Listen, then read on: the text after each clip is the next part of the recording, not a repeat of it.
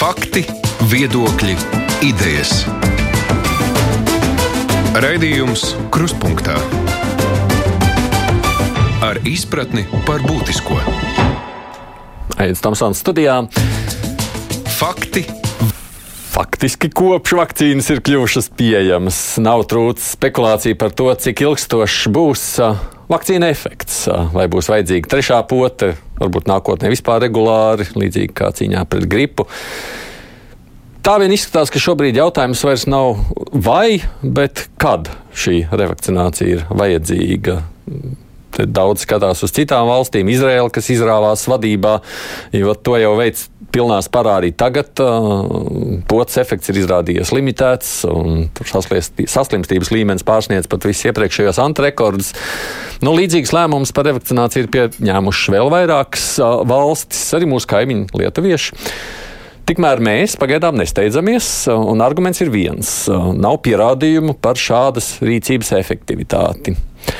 Tajā pašā laikā ar vien vairāk valsts nosaka vakcinācijas certifikātu derīguma termiņu. Un tas ir skaidrs, ka agrāk vai vēlāk kaut kā jau nāksies rīkoties. Kāda tad ir tā mūsu taktika? Kas nosaka, kādas lēmumus mēs pieņemam un ar ko ir jārēķinās turpmāk?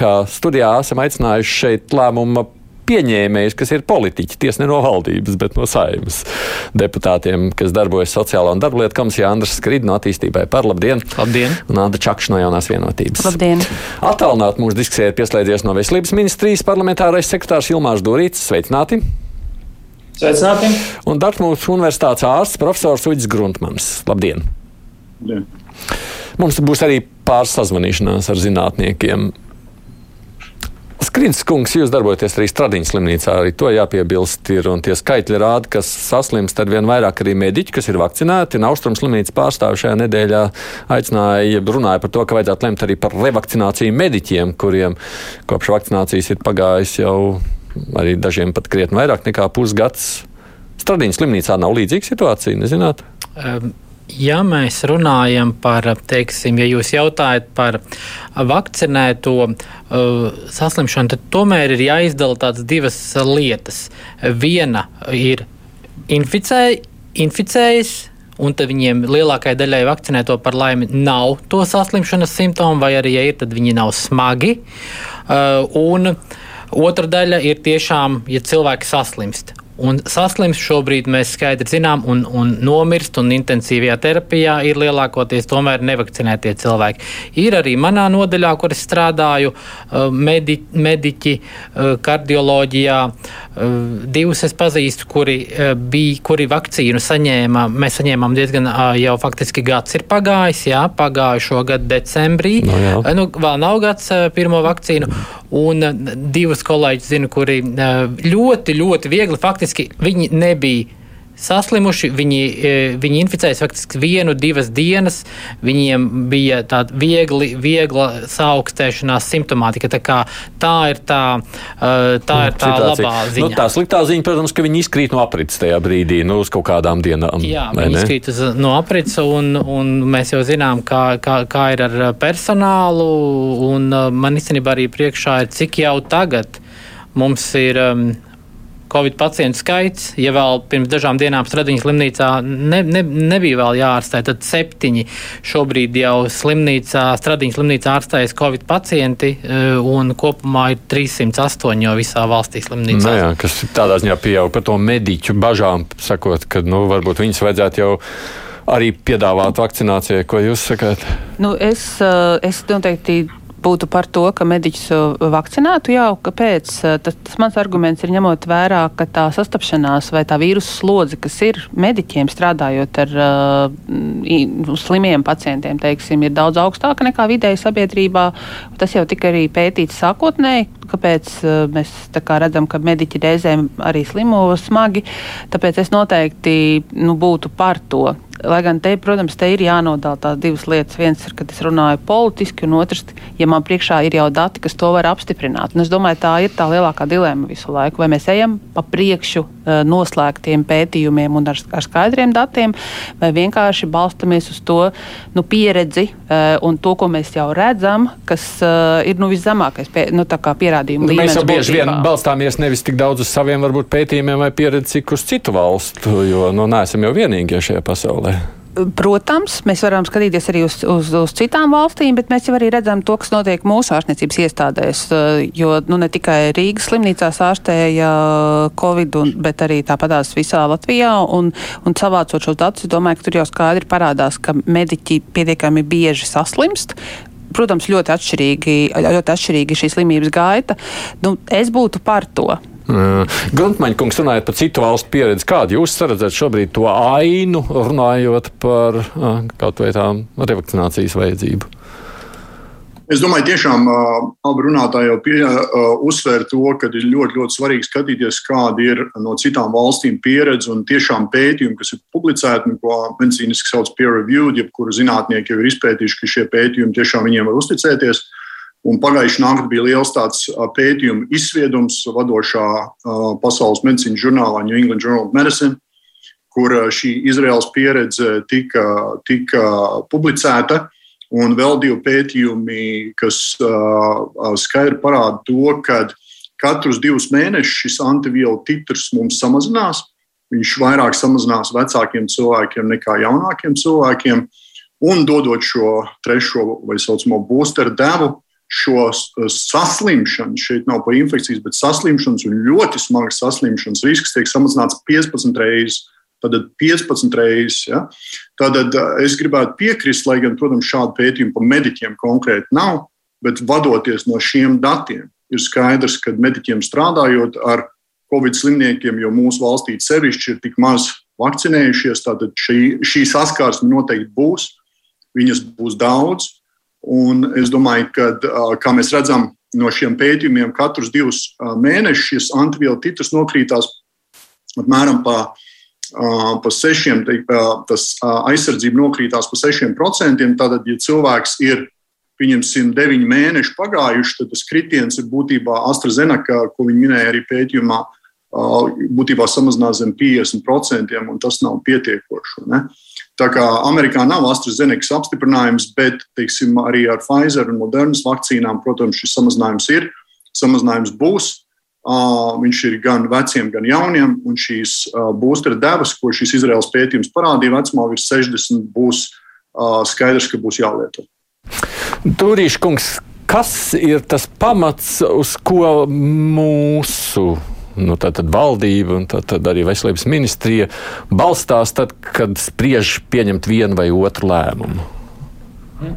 Jā, nu, veselības ministrija Un, un kopumā nozare ir gatava uzsākt arī šo revakcināciju, jeb trešās devas nodrošināšanu iedzīvotājiem, tik līdz imunizācijas valsts padome uzskata, ka tas ir pietiekoši pamatojams un, un pierādāms. Un man prieks dzirdēt, varbūt ne prieks, bet, bet katrā ziņā katru dienu nāk jauni pētījumi, arī no Gruntmaņa kunga par šiem jaunajiem datiem, un es esmu pilnīgi drošs, un arī patreiz notiek sanāksme imunizācijas valsts padomi kur tie jaunākie pētījumi dati tiek analizēti. Respektīvi, es gan vēl gribētu teikt, ka Imunizācijas valsts padome jau ir lēmusi par to, un jau no šīs nedēļas mēs uzsākam, kā jūs arī zināt, šo te revakcināciju iedzīvotājiem, kuriem ir kādas ar imūnsistēmas,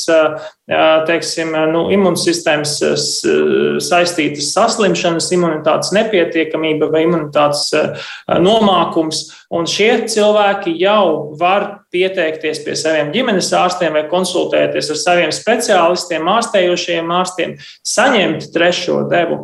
Bet patreiz imunizācijas valsts padomas dienas kārtībā ir jautājums par iedzīvotājiem virs 75 gadiem un iedzīvotājiem virs 65 gadiem.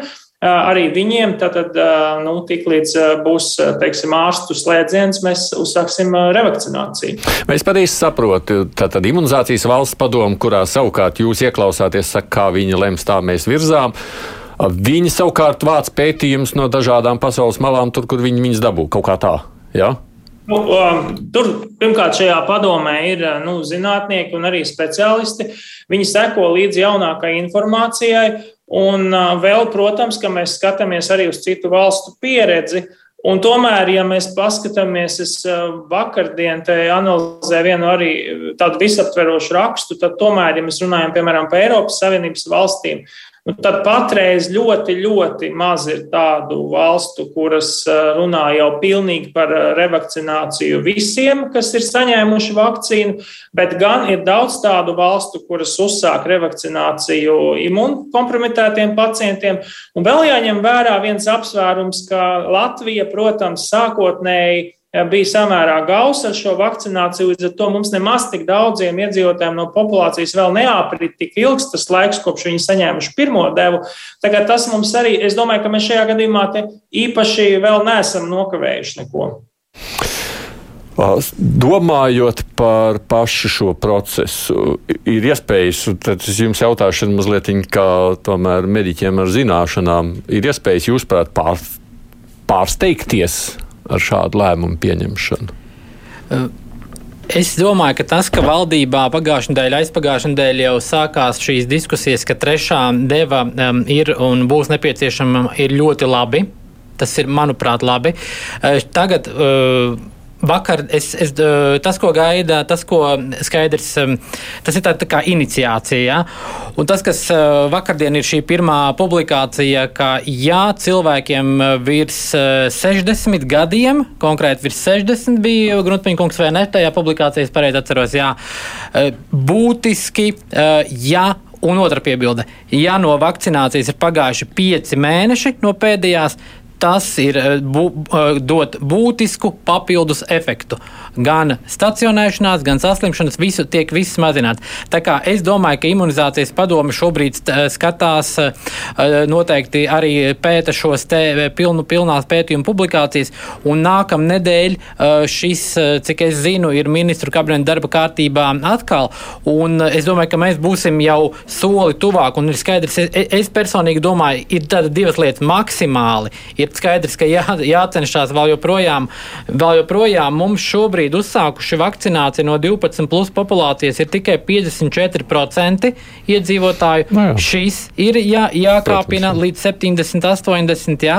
Un skaidrs, ka uh, mediķiem, uh, cilvēkiem ar 60 plus, ar imūnkompromitētiem pacientiem, arī man ir pacienti pēc plaušu transplantācijas uh, zāne, mēs jau viņu pārunājām, trešo vakcīnu mēs, uh, mēs arī jau pieteiksimies, un, un būs tā kā, mhm. tas, tas tāds mans uh, vēlreiz uzsvars un skats.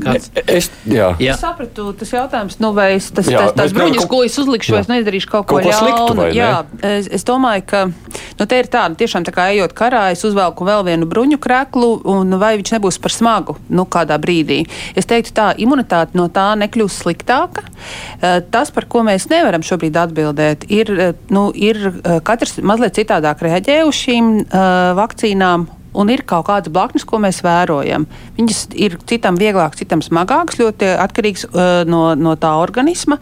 Un uh, vienīgās bažas par to, vai šī vakcīna nu, var iedot kaut kādu vēl, nu, tā kā citu orgānu kaut kādu izpausmi. Šobrīd tādu pētījumu nav. Līdz ar to nu, no tāda mm -hmm. riska samērīguma es teiktu, ka drošāk ir iedot to aizsardzību nekā neiedot. Bet nu, noteikti, ka tur ir pētnieki, kas teiksim, skatās līdz visiem šiem procesiem organismā, nu, kas var par to vairāk izteikties, bet nu, pagaidām ne, nu, nav tādu datu, lai runātu par to, ka tas darītu papildu sliktumu, nevis otrādi tieši labumu. Pie klausulas mums arī šobrīd ir Latvijas biomedicīnas pētījuma studiju centra direktors Jānis Kloviņš. Kloviņkungs, labdien! Labdien! Mēs te runājam par revakcināciju un pētījumiem. Vai vispār Latvijā kāds kaut ko arī šajā jomā pēta, vai jums ir informācija? Uh, nu, protams, Latvijā, ja mēs runājam par tādu kā klīnisko pētījumu, kas parasti ir vakcīna, lai, lai, lai izvērtētu vakcīnu kaut kādu atkārtotu vakcinēšanās liederību. Protams, šād, šādiem pētījumiem šeit Latvija ir vienkārši par mazu un tāda, tāda stingra klīniskie pētījumi nenotiek. Tas, ko mēs, protams, turpinām darīt visvairāk, ir mēs monitorējam šo te uh, vīrusu jauno variantu parādīšanos un uzvedību. Un uh, it īpaši pievēršot uzmanību tieši, tieši vakcinētajiem cilvēkiem. Bet, ja, ja mēs runājam par, par revakcināciju, uh, tad, tad drīzāk mums nākotnē plānojas pētījumi vairāk pie, pievērsties tiešām imūnu supresētajiem pacientiem un skatīties no tāda viedokļa, ko šī slimība nodara un kā, kā, kā cīnīties ar tām sekām, bet pagaidām tāda pat revakcinācija, es domāju, pētījumi nav. Nu, te, protams, ne tikai Latvijā, tas jau arī citās valstīs, bet tās spekulācijas par to, vai un kad vispār būs vajadzīga ikvienam šāda veida revakcinācija, ko jūs sakāt par to? Es, es, protams, tikai nedaudz dzirdēju šo iepriekšējo diskusiju. Es noteikti pie, pievienojos ar iepriekšējiem runā, runātājiem. Es domāju, ka visticamāk šāda revakcinācija būs vajadzīga, bet tiešām ir jāsamēro tas, vai tad, ja ir skaidrs, ka viņi nedod ļoti lielu labumu un pievienoto vērtību, vai tas labākais, ko darīt, varbūt vairāki argumenti. Starp citu, ir, ir viens pētījums, kurš ir, nu, tas vairāk varbūt tādās Amerikas mērogos ir parādījis, kas, kas tādai valstī kā Amerikai būtu izdevīgāk sapotēt visus tagad trešo reizi vai atdot šīs te uh, vakcīnas nabadzīgākajām valstīm, un, un tas modelis parādīja, ka novēršot kaut kur jaunu variantu rašanos, kaut kur citur tas būtu atstātu daudz lielāku efektivitāti nekā vienkārši, teiksim, pat ja tas, un es, es, es, es, nu, es, es arī pārliecināts, ka ne, nekādu ļaunumu tā, tā, tā trešā potne neradīs, bet, bet, bet īsti, īsti kamēr nav pārliecinoši pierādījumi vai tajās grupās, kur nav to pierādījumu pagaidām, ka tas dod īpašu labumu, ka to, ka to, ka to nevajadzētu darīt. Bez tam Otrs aspekts noteikti, es domāju, kāpēc arī varbūt vajadzētu pagaidīt, ir, ka tomēr mums nāk šie te, nāks uh, vakcīnas, kuras jau būs daudz vairāk mērķētas tieši uz jaunajiem variantiem, uz šo delta variantu, kas pa, pašlaik dominē. Un uh, tad uh, tīri loģiski ir liederīgāk uh, revakcinēt ar, ar šādu variantu pat, pat, pat tad, ja tas uh, tā efektivitāte, nu, es, es domāju, tur ne, diezko nepalielināsies varbūt efektivitāte uz, uz slimības šo te smagumu novēršanu, ka, kur jau līdzinējās vakcīnas ļoti labi strādā, bet tas varētu palīdzēt tiešām uz šo te, to, tomēr infekcijas samazināšanos, kad, kad, kad, kad vakcinētie cilvēki kļūs arī mazāk potenciāli, teiksim, jādara potenciāli aplipināt citus, ja viņi paši sāk. Jā. Kas mums ir zināms, cik nu, liels laiks vēl varētu būt, kad mēs prognozējam šīs jaunās uzlabotās vakcīnas? Viņas jau ir trešajā pētījuma stadijā, tā ka gan, ja nemaldos, gan Moderna, gan, gan, gan arī Pfizer, tā ka tas, es domāju, salīdzinoši īsts laika jautājums, lai, lai, tas, lai, lai šāds vakcīnas no, nonāktu arī pie, pie mums. Paldies! Es jums saku Jānim Kloviņam, kurš ir Latvijas biomedicīnas pētījuma studiju centra direktors. Nu, jā, šis būtu viens jautājums, vai mēs varam sagaidīt pavisam drīz cita veida, vēl papildus uzlabotās vakcīnas. Jā, tas ir. Es, es ar lasīju interviju ar um, abiem zinātniekiem, uh, ku, um, vīru un sievu, kuri, kuri izveidoja um, Pfizer vakcīnu. Jā, um, un, un jā, pie tā tiek strādāts, bet es baidos, ka tas, teiksim, šā gada laikā vēl varētu arī, arī nebūt. nebūt tas varētu arī mm. nebūt. Tur ir, tas nav, nav, cik es sapratu no zinātniekiem, tas nav tik viegli, jā. Un uh, ko viņi uzsvēra arī, ka uh, trešā vakcīna dod arī aizsardzību pret šo delta variantu. Bet vēlreiz es uzsveru, ko jau es teicu, ka mums arī ļoti jādomā par to pirmo par nu, to pirmo. Nu, mums jau, kā mēs zinām, līdz oktobra beigām tur ir vēl cik lieko vakcīnu, kuras jā, mēs izskatās, vai 85 tūkstoši. Nespējam izmantot, un, jā, ne? Mm. un nav kas uz tām iet pakaļ. Bet uh, par pirmo un otro tā būtu atsevišķa diskusija, te es domāju, mēs varētu daudz runāt. Bet Gruntmaņa kungs, skatoties savukārt uz tiem, kas ne, nu, nav baidījušies vakcinēties un kas labprāt ir devušies pakaļ šīm vakcīnām, Jūsuprāt, cik ilgi mēs, skatoties uz visu to pasaules pieredzi, cik ilgi mēs varētu tā vilkt, gaidīt, un kurā brīdī būtu jāpieņem arī tādi plašāki lēmumi par revakcināciju vairāk nekā tikai specifiskām iedzīvotāju grupām? Nē, to es domāju, ir grūti pateikt. Tur atkal ir dažādu valstu pieredze, kā mēs redzam valstīs kā Portugālē un Dānijā. Pieņemsim šī saucamā, nosauksim viņu par brīvprātīgo vai stimulējot cilvēkus vakcinēties, viņi ir sasnieguši lielus, lielus vairākuma apjomus, 80, nedaudz virs 80%. Tad, protams, ka šīs valstīs šādas piespiedu lietas būs ļoti, ļoti maz. Un, protams, ka šām piespiedu lietām ir arī politiska cena, kā mēs visi apzināmies. Populistu partijā, partijas, diemžēl, pretēji Dānijai un Portugālei to izmantos. Viņi neuzskata, ka Viņi uzskata, ka teiksim, tautas veselība ir tas, ko, ar ko vajadzētu doties uz vēlēšanām. Tas, man liekas, ir ļoti, ļoti neapdomīgi. Tas jā, nē. Es negribēju jautāt par piespiedu. Es gribēju jautāt, cik ilgi mums varētu vilcināties, kurā brīdī jāpieņem lēmums par brīvprātīgu, bet revakcināciju tiem, kas vēlas arī no tiem, kur jau ir vakcinēti. Manuprāt, tas, ko Andris teica, un tas arī Amerikā ir uzsvērts, ja, ir, ir šie divi konfliktējušie viedokļi. Viens ir par Āfrikas valstīm un cik mēs veiksmīgi varam nodot viņiem. Un tas ir kāpēc Pasaules veselības organizācija iebilst šai trešai vakcinācijas, trešai booster vakcinācijai. Bet otrs, ko Amerikā saka, un arī Andris tikko teica, ir, ka mēs būtībā izmetam ārā 185 tūkstoši, un Amerikā tie ir miljoni, miljoniem vakcīnas, kuras nav paspētas laikā. Viņas nevar paspēt laikā nosūtīt dažādu uh, loģistisku problēmu dēļ. Tad es domāju, šīs vakcīnas, kuras mēs vienkārši metam ārā, es domāju, būtu jābūt samērā liberālai pieejai, vadoties no šiem ļoti neseniem pētījumiem ar šo ļoti būtisko samazinājumu, teiksim, hospitalizācijai un ļoti smagai slimību gaitai. Es, uh, es tam, tam, tam viedoklim gribētu piekrist. Nu, kas sakot, ka ja, ja, ja, ja gribat, tad ejiet un ņemiet trešo vakcīnu. Tā.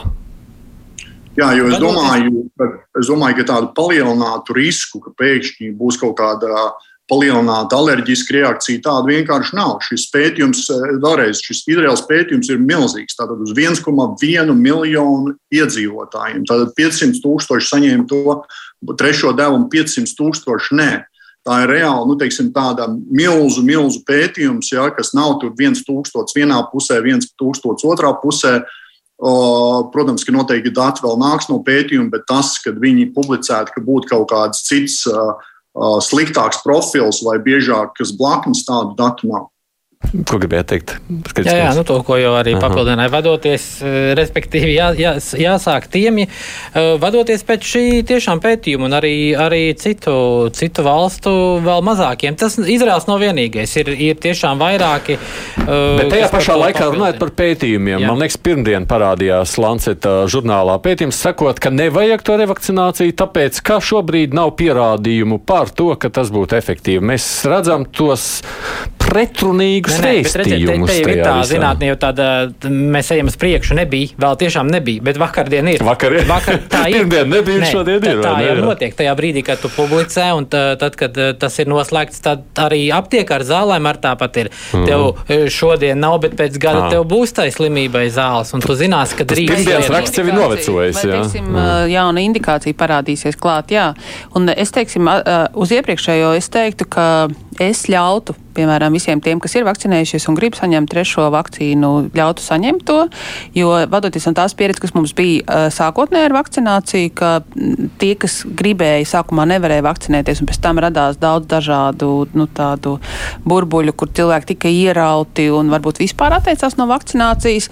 Jo, jo kā jūs dzirdat, ir nu, tie argumenti visur parādās arī šie finansiālie. Nu, tad trešo vakcīnu tāpēc, ka mums ir daudz lieku, vai trešo vakcīnu tāpēc, ka labāk būtu ziedot citām valstīm, vai nu, tur tas farmako tāds monetārais izvērtējums vienmēr ir ļoti svarīgs arī, protams, cik lielu tas dos to efektu m, attiecībā uz ārstniecības iestādēm, uz darba nespējām, uz daudzām citām lietām, kas ir diezgan būtiska sadaļa visā šajā, kas arī tiek pētīts. Man liekas, ka tad, kad mēs runājam, ja ir ļoti grūti palikt tikai pie tā veselības stāsta, tikai nu, kas būtu pats labākais cilvēka organismam. Un, nu, tādu līdz galam datu jau nav. Mēs tā kā politikā to nevarēsim tagad pateikt. To mm. tie daudzie pētījumi, kad viņi pie kam būs sakrājušies pietiekami daudz un varēs jau no tiem daudziem pētījumiem izvilkt vēl vienu to tādu galveno trendu, varēs par to runāt. Tāpēc šobrīd ir tāds mazliet, nu, uz aklo iet. Jā. Nu, jā. Gan Čakšs kungs, gan Grunpeņa kungs, saka Dūrīša kungs, ka viņi būtu pār to, ka, nu, ja grib, tad dodam. Kāda ir jūsu nostāja? Jā, nu, eh, izskanēja ļoti daudz, eh, starp citu, dažādi argumenti un, un, un interesanti argumenti, un, un, un, un viņiem nevar nepiekrist, bet es gribu teikt tā, ka. Nu redziet, skaidrs, ka, ja mēs domājam politiski un lemjam politiski Amerikas Savienotās valstis, Eiropas Savienību un domājam globāli, tad tur šis cilvēka individuālais jautājums varbūt vai, vai teiksim, konkrētās manas veselības vai vakcīnas ietekmes uz manu veselību vai uz manu saslimšanu vai nesaslimšanu aiziet otrā plānā. Mēs domājam globāli par to, ka jā, tiešām ir trešajām, trešajām valstīm, jā, pasaulē vakcīnu trūkst, un mēs dzīvojam vienā pasaulē, Un, eh, ja tur būs šie jauno eh, vīrusa veidu, teiksim, inkubatori, tad arī tā trešā deva arī mums iespējams pēc, pēc kaut kāda neliela laika nebūs vairs efektīva. Ah, bet tomēr es, teiksim, kā iedzīvotājs un kā cilvēks gribētu, lai to lēmumu par to, vai man šodien vajag saņemt trešo devu vai nevajag saņemt trešo devu, jeb šo revakcināciju pieņem uh, speciālists, ārsts, profesionāls. Jo atklāti sakot, un es domāju, ka lielākai daļai iedzīvotāji tas tā ir, jo man negribās, un mums nevienam negribās no vienas puses eh, nu, kā, eh, riskēt ar savu veselību, piemēram, tāpēc, ka mums ir daudz vakcīnu un mums viņas vienkārši vajag izlietot. Nu, tie nav cukurgraudiņi, kurus varbūt arī nav veselīgi daudz ēst. Ja? Tātad eh, tas nav, tas nedrīkst būt arguments attiecībā uz to, jā, vakcīnu pārdales. Es esmu tiešām, ja mums paliek pāri vakcīnas, mums viņas ir jādāvina trešās pasaul, treš, trešajām pasaules valstīm. Tas ir nepieņemami, kā Grundmaņkungs saka, kad vakcīnas tiek izmestas ārā. Bet, manuprāt, un es piekrītu šeit speciālistiem, ka tiklīdz mums ir tas datu apjoms tāds, ka trešās vakcinācijas devas vai trešās devas risks ir samērojams un viņš ir mazāks par to ieguvumu, un ieguvums no imunitātes kāpuma un aizsardzības pret delta vai delta plus variantu ir lielāks, tad mēs to sākam. Bet nu, to mums vajag šo ziņu no speciālistiem. Nu jā, šī ir tāda lieta, kurā es droši vien līdzīgi kā Jānis Raks, kurš te var pateikt, ka to trešo potu vajag. Ja man pateikt, ka tagad es varu iet vakcinēties, es, es apjuktu un es teiktu, no, a, kā es varu saprast, vajag man vai nevajag, ir vērts vai nē. Man jau gribētos, ka kāds man palīdz izlemt. Es tur tāds Es būtu muļķa lomā. Tas ārstam pielēmtais, kas ir šiem imunokompromitētiem, ļoti precīzi jāpasaka, kas tie Jā. ir pa cilvēkiem. Jo arī jau minētais desmit tūkstoši un uzskaitījumā ir arī vēža pacienti, kur mēs zinām, ka nu, gadu 11 tūkstoši vēža pacientu Latvijā nāk klāt. Ir ļoti precīzi šie diagnožu kodi jānosaka un ģimenes ārstiem jādod tā ziņa, lai viņi tos cilvēkus var uzrunāt, jo tas nu, ļoti precīzi nu, cilvēki saka, nu, vai man ir iesnas, vai es esmu imun un kompromitēts vai nē. un, un tas ir normāls jautājums, ja cilvēks nu, ne, nestrādā nu, medicīnā. Ne? Jā, es domāju, tur, protams, ir vajadzīga ļoti precīza komunikācija, kam tas ir tiešām nepieciešams Jā. un kuri varētu būt nākamās riska grupas, nu, kaut vai par vecumu vai saslimšanām. Jā, nu, kas... bet, bet, bet šīs diagnozes, kolēģi, šīs diagnozes tiešām ir. Un mēs plānojam arī iedzīvotājiem izsūtīt, ņemot vērā mūsu teiksim, tos datus no Nacionālās veselības dienas, izsūtīt uzaicinājumu saņemt šo trešo devu. Gadījumā, ja cilvēks atbilst šīm konkrētajām, kā Čakas Kungs teica, noteiktajām diagnozēm. Bet, protams, arī gadījumā, ja tas cilvēks nesaņem šo uzaicinājumu, bet viņš uzskata, ka viņam ir šīs imunkompromitētas stāvoklis, piemēram, nezinu, smagas, viņš lieto kādus medikamentus, tad viņš, protams, arī var saņemt šo trešo devu pēc ģimenes ārsta vai ārstējošā ārsta nu, nosūtījuma un uzskata, mm. ka, tas ir, ka tas ir nepieciešams. Bet faktiski tiem pacientiem, kuriem tas varētu būt noderīgs, nu kāds viņus uzrunās, jā, vai kaut jā, kādā veidā jā, viņi uzzinās to? Jā, viņiem tiks, tiks nosūtīts arī izziņas, un, un viņi saņem šo informāciju, ka viņi atbilst šiem te. Nu, te es negribu saukt, tās ir sarežģītas diagnozes, bet tās ir piemēram smags primārs imūndeficīts. Ja, tas ir piemēram HIV pacienti ar, ar, ar šūnu, ar imunšūnu skaitu zem 50. Ir, tur ir tiešām jau kritērijos izvērtēts. Tas ir, piemēram, pacienti ar ilgstošu dialīzi, tie ir pacienti, kuri lieto kortikosteroīdus augstās devās. Ja? Tie, ir, tie ir mums zināmi šie, šie, šie. Mhm. Gadījumā. Es atgādināšu tikai tiem, kas vēlāk ieslēdzas pa vidu, lai zinātu, kas mūsu raidījumā piedalās Ilmārs Dūrīts, attālināt no Veselības ministrijas parlamentārais sektārs un Uģis Gruntmans ir Dartmūta universitātes ārsts profesors. Savukārt studijā šeit ir divi saimnes deputāti, Anna Čakša no jaunās vienotības un Andris Skrīd no attīstībai pār. Raidījums Krustpunktā. Uh, skatoties uz šo, mums arī, kā jau es sacīju, mums ir vēl paredzēts arī vairākas sazvanīšanās šī raidījuma laikā, kurā mēs uh, grasāmies aprunāties ar kādiem cilvēkiem. Es saprotu, ka šobrīd Ivars Kalviņš ja, mums ir uh, pie ētera tālruņa Zinātņu akadēmijas prezidents Kalviņkungs. Labdien! Labdien! Ko jūs sakāt par revakcinācijas diskusiju un nepieciešamību?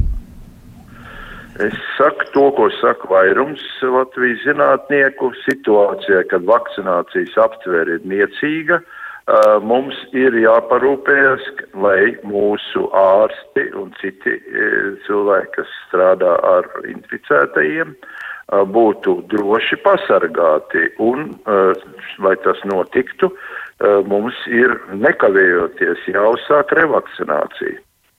Tieši ārsti? Nu, ne tikai ārsti. Mums ir pietiekoši daudz cilvēku, kuriem ir jāsaskarās ar, ar nu, iedzīvotājiem, un uh, arī tie, kas ir vakcinējušies no vecuma grupām, kuras visvairāk apdraudētas, nu, viņiem, kas, ja pēc sešu mēneši no vakcinācijas brīža ir pagājis, imunitāte vismaz antivielu līmenī ļoti būtiski kritusies.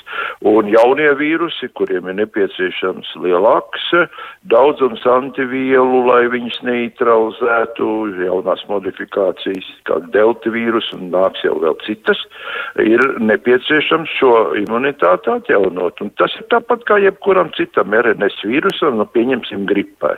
Mēs nemaz nebrīnamies, ka mums katru sezonu ir jāvakcinējās atkārtoti.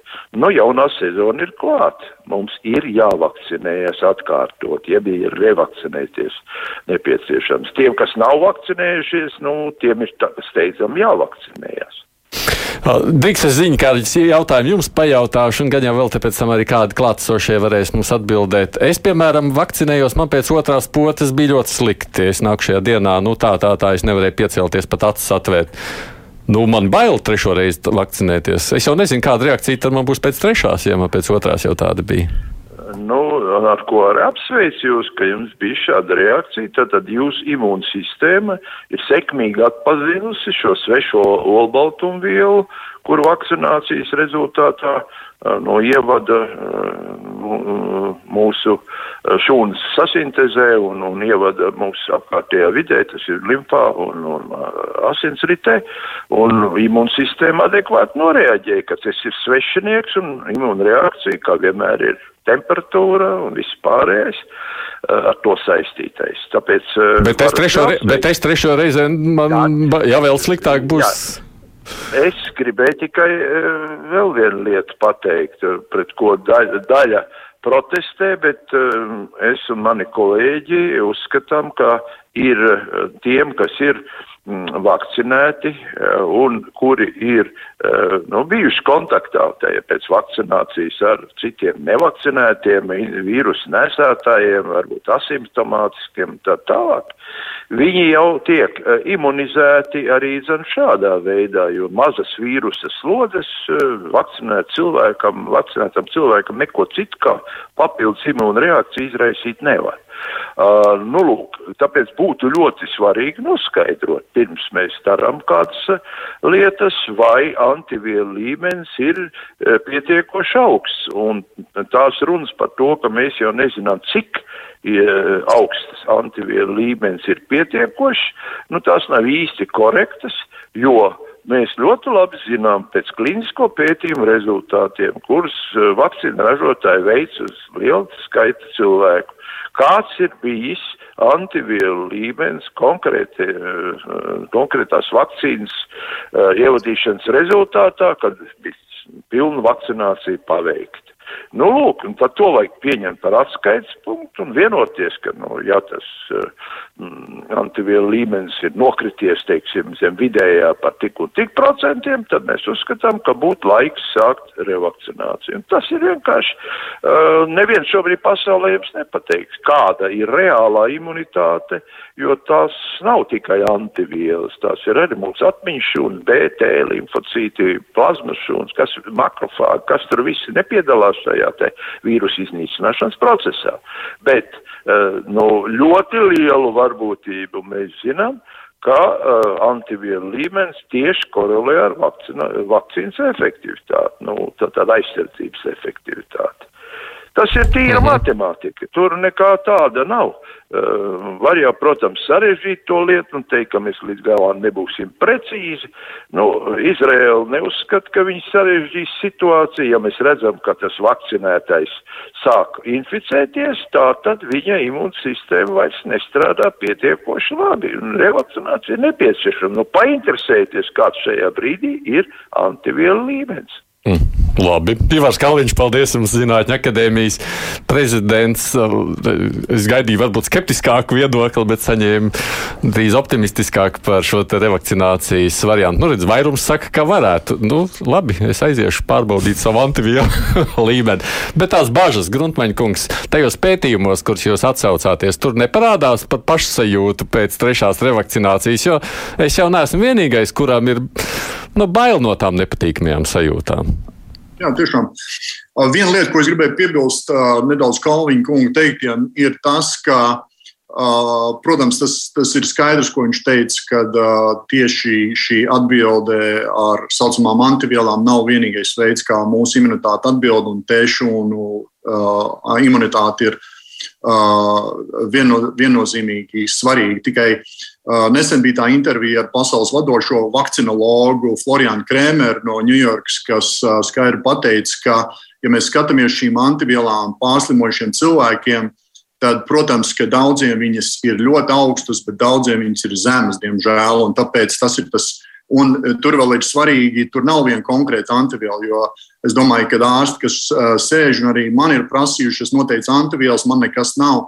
Tur ir bieži jāuzmanās tieši kādas antivielas mēs nosakām. Ja, pret ko mēs nosakām? Vai mēs nosakām pret pārslimojošu slimnieku uh, teiksim, vīrusu antivielas vai pret vakcinētu antivielas. Šīs antivielas ir absolūti dažādas. Tāpēc es aicinātu cilvēkus neapmulst, kad viņi uh, saņem šīs antivielu testus un saka, ka viņiem nav antivielas. Tad visbiežākais kļūda ir, ka ir noteikts nepareizās šīs antivielas. Bet, kā jau es teicu iepriekš, tās blakus parādības pie trešās vakcinācijas neizskatās, ka viņas ir kaut kas savādāks salīdzinoši ar otro.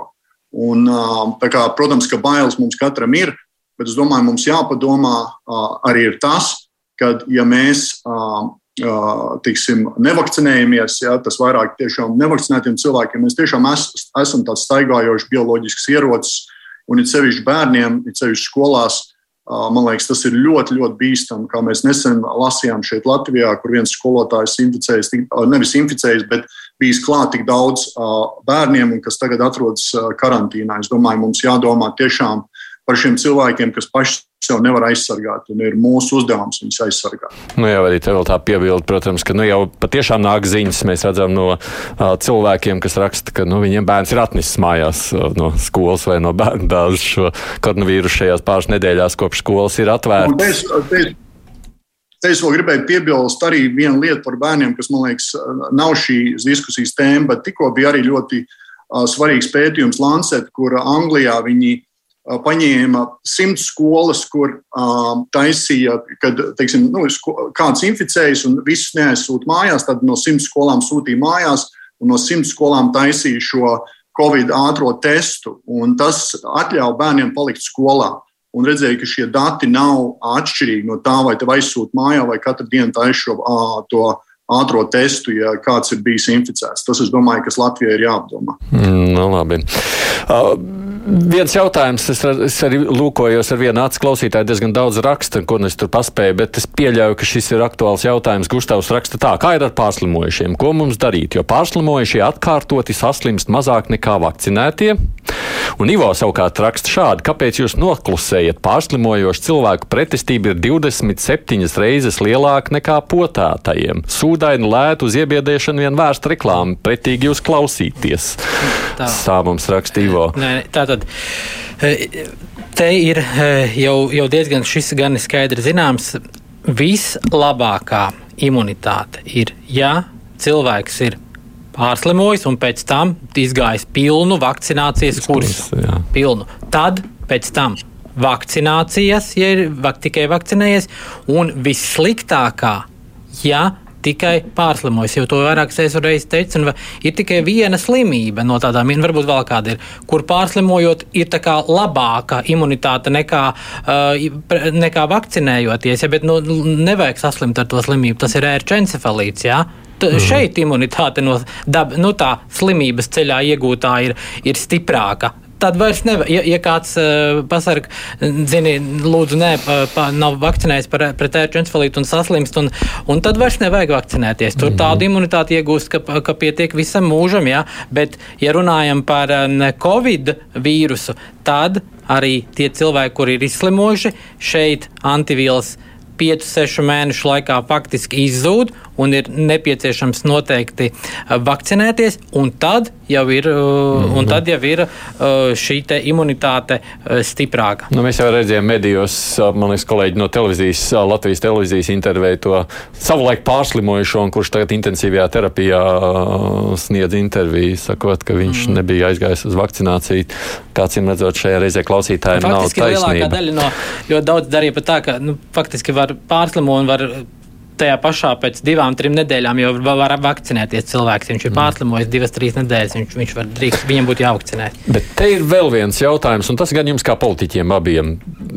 Mēs, protams, runājam, nu, mēs pieņemsim lēmumus, mēs tur liksim, tur skatīsimies pēc vecām grupām, pēc tiem, kuriem vajadzīgs, bet mēs redzam, ka valstis arvien vairāk pieņem lēmumus par šo certifikātu derīguma termiņu. Un, nu, jau ir neviena valsts, uz kur tu nemaz nevar aizbraukt. Viņi saka, ka pirms pusgada vakcinējies, viss mediķiem jau vairs šobrīd mūsu valsts ir slēgta. Kā šo jautājumu risināt? Veselības un pierādījis citu valstu prasības, jo katra valsts jau rīkojas pa savam. Nu, Eiropas Savienībā jau būtībā būtu jānosaka vienāds šis uh, certifikātu standarts. Nu, ņemot vērā, ka mēs vakcinējamies visā Eiropā ar vien, viena veida uh, vakcīnām, protams, ka katra valsts, nu, jo šobrīd mums joprojām veselības nozara tiek regulēta katrā valstī atšķirīgi, un to mēs arī redzam, ka katra valsts pieņem šos lēmumus par vakcināciju vai mhm. grupām mm. atšķirīgi. Nu, kas varbūt ir labi, bet, protams, ka rada zināmu sajukumu, īpaši attiecībā uz šiem certifikātiem. Bet tas zināmā mērā norāda, nu, jo, ja certifikātam ir kaut kāds termiņš, nu, tas uh, nu, ne, netiešā veidā vai starp rindām liek domāt par to, ka uh, nu, imunitāte samazinās mm. un uh, tiek prasīts kaut kas papildus vēl. Tā kā es teiktu, ka tas ir tāds vēl viens uh, nu, netiešs mājiens par to, ka iespējams šī trešā, trešā pota būs vajadzīga. Nu jā, jā, tas... jā, tikko medicīnas, eh, medicīnas darba vizītē bija Austrijas Universitātes slimnīcā, un oh, man, tas, ko man skatījās, bija, jā, cik tad ir laiks no man, tam certifikātam. Man tur skatījās, jā, un man vēl nebija. Jūs vēl nebija, paspējāt izbraukt? Jā, es, es paspēju, jā, tur, tur tiešām skatījās, un tā, tā ir tāda norāde, bet, nu, mums jau laikam uz vēju, bet mums jau tie 50 to pirmo jā nav dabūjuši, un, un, protams, ka es domāju, tas ir paralēlas lietas šobrīd, kas ir jādara. Tas šodienas raidījuma tēma, tā paralēlā lieta būs eh, tagad gana daudz, eh, nevis gan, būs jau pietiekama pierādījuma bāze, lai es, es redzu droši vien, un, un tas, ir, protams, eh, tas ir, protams, zinātnieku un imunizācijas padomas darbs. Cilvēki virs 60 pagājis šī pieci mēneši no pēdējās vakcīnas, droši vien šie tiks likt, kā, kā numur viens mm -hmm. tiks likti trešās vakcīnas grupā, plus, protams, imūnsupresētie, un turpinām lūdzu strādāt, lai mēs vakcinētos. Man prieks, ka mums ir ļoti gudri jaunieši bērni. Man nu pat stāstīja, ka uh, vienā vidusskolā uh, klase ir uh, gājusi uh, pie skolas direktora lūgumu, lai, lai jo, un viņa skolotājas, klases skolotājs savukārt nebija vakcinējies. Ja? Un, un jaunieši iet pie direktora lūgumu, nu, nu, nu lūdzu, kaut ko dariet, kaut ko darām, jā, jā, un vakcinējamies. Papildinot tā, Andri, varbūt mazliet, man liekas, ka ļoti svarīgi ir saprast, kas ir tie galvenie šķēršļi, jo, jo tomēr tai they nu, kāpēc cilvēki nav, vakci, nav saņēmuši šīs pirmās divas vakcīnas. Un man liekas, ka mums mm. pietrūkst tādas skaidras analīzes par to, kas tad ir šie šķēršļi, kāpēc dažādi cilvēku grupas atsakās vakcinēties. Jo nu, ir, nu, ir viegli pateikt, tur idioti, ja? bet tas man liekas, mm. galīgi nestrādā. Ir jāsaprot, kas Jūs ir. Jūs sakāt, ka man jātaisa vēl viena raidījuma, kurā jā, mēs varētu šādu veidu analizēt. Tas būtu lietu, ļoti svarīgi. Tas, ir tā, jēgpil, tas būtu tiešām jēgpilni un liederīgi. Uh, Kolēģi jau kā labāk dzīvot, regulāri atbild uz jautājumiem klausītājiem, man liekas, bet tas jau vienmēr kādus, nu, kā, kādiem iedarbojas un kādiem pilnīgi noteikti nē. Uh, tikai pabeidzot šo ceļošanu, vai varētu būt veselības jaut, ministrijas pārstāvjiem jautājums, varētu tiešām lemt, pieņemsim, nu, un ja vajag skrīdus kungam atkal pēc pāris mēnešiem braukt uz Austrijas slimnīcu, viņu vairs nelaiž, tāpēc, ka viņš vairs nav ticis uz revakcināciju, varbūt tiem arī vajadzētu ļaut revakcinēties vismaz šī iemesla dēļ. Nu, jā, tas ir apspriežams jautājums. Katrā ziņā Latvijā šis, šis certifikāta derīguma termiņš ir vienots ar visu Eiropas Savienību. Tas nozīmē, ka pārslimošanai tās ir 180 dienas un pārējiem gan vakcinā, vakcinācija, tad, tad beztermiņa. Bet, bet nu, acīm redzot, šādos gadījumos, ja valsts nosaka individuāli, tad tur ir kāda iespēja, kā tālāk no šīs situācijas iziet, un šim cilvēkam varbūt nākties testēties uz, uz, uz, uz robežu tādā gadījumā vai pirms izbraukšanas.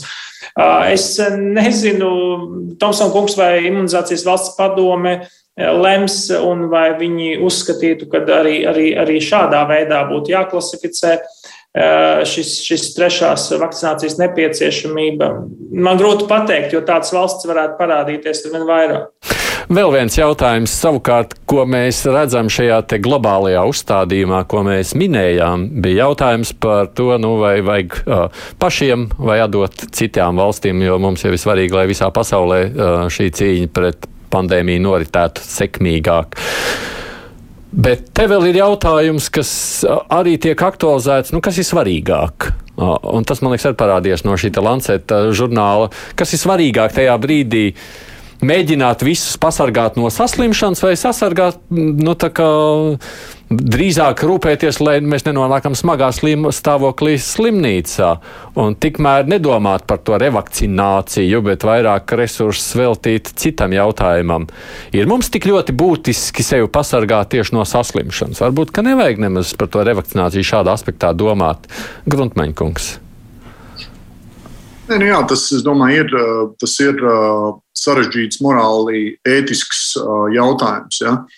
Un, tas ir, es domāju, tiešām katrai valstī būs jāizdiskutē un jāskatās. Bet man patīk, ka arī viens no vadošiem pētniekiem, tāds Eriks Topols, bija ierakstījis Twitterā pāris dienas atpakaļ. Viņš saka, ka būtībā šī ir falša, falša dilemma. Un viņš to nosauc par falšu dilemmu, tāpēc, ka, kā jau es minēju sākumā, kad valstis met ārā vienkārši milzīgu daudzumu vakcīnu. Ja? Viņš teica, ka mēs varam palīdzēt gan trešām pasaules valstīm, gan mēs varam palīdzēt arī paši sev, saprotot, kuras grupas tieši ir tās. Nav tas melns vai balts, vai nu metam ārā, vai sūtām, vai vakcinējam tos, kam vajadzīgs. Es domāju, mēs spējam un varam to visu apvienot. Nu jā, varbūt arī tā to var skatīties. Es saprotu, ka Kalniņš kungs te satrauc ar savu satkāmo. Te man raksta vairāk cilvēku, ka viņiem nav nekādas blakus parādības bijušas. Ko tad viņiem? Tā tad viņiem imunā sistēma nav nostrādājusi vai nav izdarījusi savu darbu. Nē, tas bija, man liekas, nu, es saprotu arī reizēm savu, savus pacientus mierinu, tāpat kā teica Kalniņš kungs, bet ir nostrādā arī tiem, kam nav. Un cik, es, es nezinu, Grunčmīņa kungs varbūt vēl labāk zina, bet pat, uh, par to trešās vakcīnas blakus parādībām, cik es esmu lasījis, nav lielākas kā otrās, iespējams, pat mazākas. Tā, tas ir tas, ko es, mm. es līdzšinējos pētījumos izlasīju. Es varu arī papildināt, nu, mēs visi esam emocionāli, bet viens raud ja, pie tādas romantiskas mūzikas un kāds vienkārši klausās. Un es domāju, tās imunās sistēmas kaut kur var salīdzināt. Kāda mm. to tā pārēģē ļoti izteikti ar, ar tādām lielākām reakcijām un kāda to mierīgāk uztver, bet tas nenozīmē, ka viņi nestrādā. Viņi tieši tāpat strādā. Tā kā tās ir tādas nu, emocionāli izpausme imūnai sistēmai. Vai mums nav jābaidās no tā, ka mēs kādā brīdī iepaliekam? Nu, ar to sakot, ka mēs, nu, kamēr skatāmies, ko tur pēt un tam līdzīgi, ka mēs kādus noguļam, varbūt līdz ar to kādi. Nu, saslimst vai nomirst, lai nenodaram pāri šādā veidā? Duriškungs. Es, es eh, domāju, ka, kā jau es teicu, sākotnēji ņemot vērā mūsu vakcinācijas tempus, mums pagaidām nav šīs bažas par eh, iepalikšanu attiecībā uz trešo devu, bet gan mums ir lielas bažas uz iepalikšanu attiecībā uz pirmo devu un vispār uz vakcināciju. Bet to, ko jūs arī jautājāt, kā noslēguma jautājumu, es gribu teikt, ka no sabiedrības interesēm un no sabiedrības interešu viedokļa, manuprāt, tomēr daudz svarīgāk ir neslimot smagi un nepārslogot slimnīcas lai katram, lai katram iedzīvotājam, arī tādam, kas neslimo ar covid, bet slimo ar kādu ko citu, būtu pieejama veselības aprūpe tādā pašā līmenī, nu, vismaz nepieciešamā līmenī. Ja? Un tāpēc ir tik ļoti svarīgi, tomēr, manuprāt, ieguldīt resursus vairāk tieši šai vispār iedzīvotāju vakcinācijai. Un, un, protams, paralēli runāt par revakcināciju, bet primāri viennozīmīgi sevišķi Latvijā, kur ir tikai šie, šie, šie nepilnie 50% savakcinēto, mums ir ļoti, ļoti pie tā jāstrādā visiem kopā. Vai es varu? Jā, jā sakiet, Gunteņkungs. Es varbūt vēl gribēju papildināt arī, ko Dūrīša kungs teica, ir tas, ko mēs redzam Amerikas dienvidos, štatos, kur vakcinācija ir līdzīga Latvijai. Mēs redzam, ka bērnu slimnīcu reanimācijas nodaļas ir pārpildīts. Ārstiem nekad nav bijušas tādas slodzes. Ja? Un, uh, es zinu, ka daudz man uzdod jautājumus, un daudzi saka, ka bērni jau smagi neslimo tiešām tas procents ir mazs, un ko viņi Amerikā saka, ir apmēram inficē, nu, pierādīts, ka ir inficēti apmēram 5 miljoni bērni, un apmēram līdz 0, teiksim, um, līdz, līdz 1,9% no viņiem nonāk slimnīcā. Bet tātad tas ir uh, dažādos reģionā, reģionos savādāk, un daudz no viņiem ir smagā stāvoklī slimnīcā.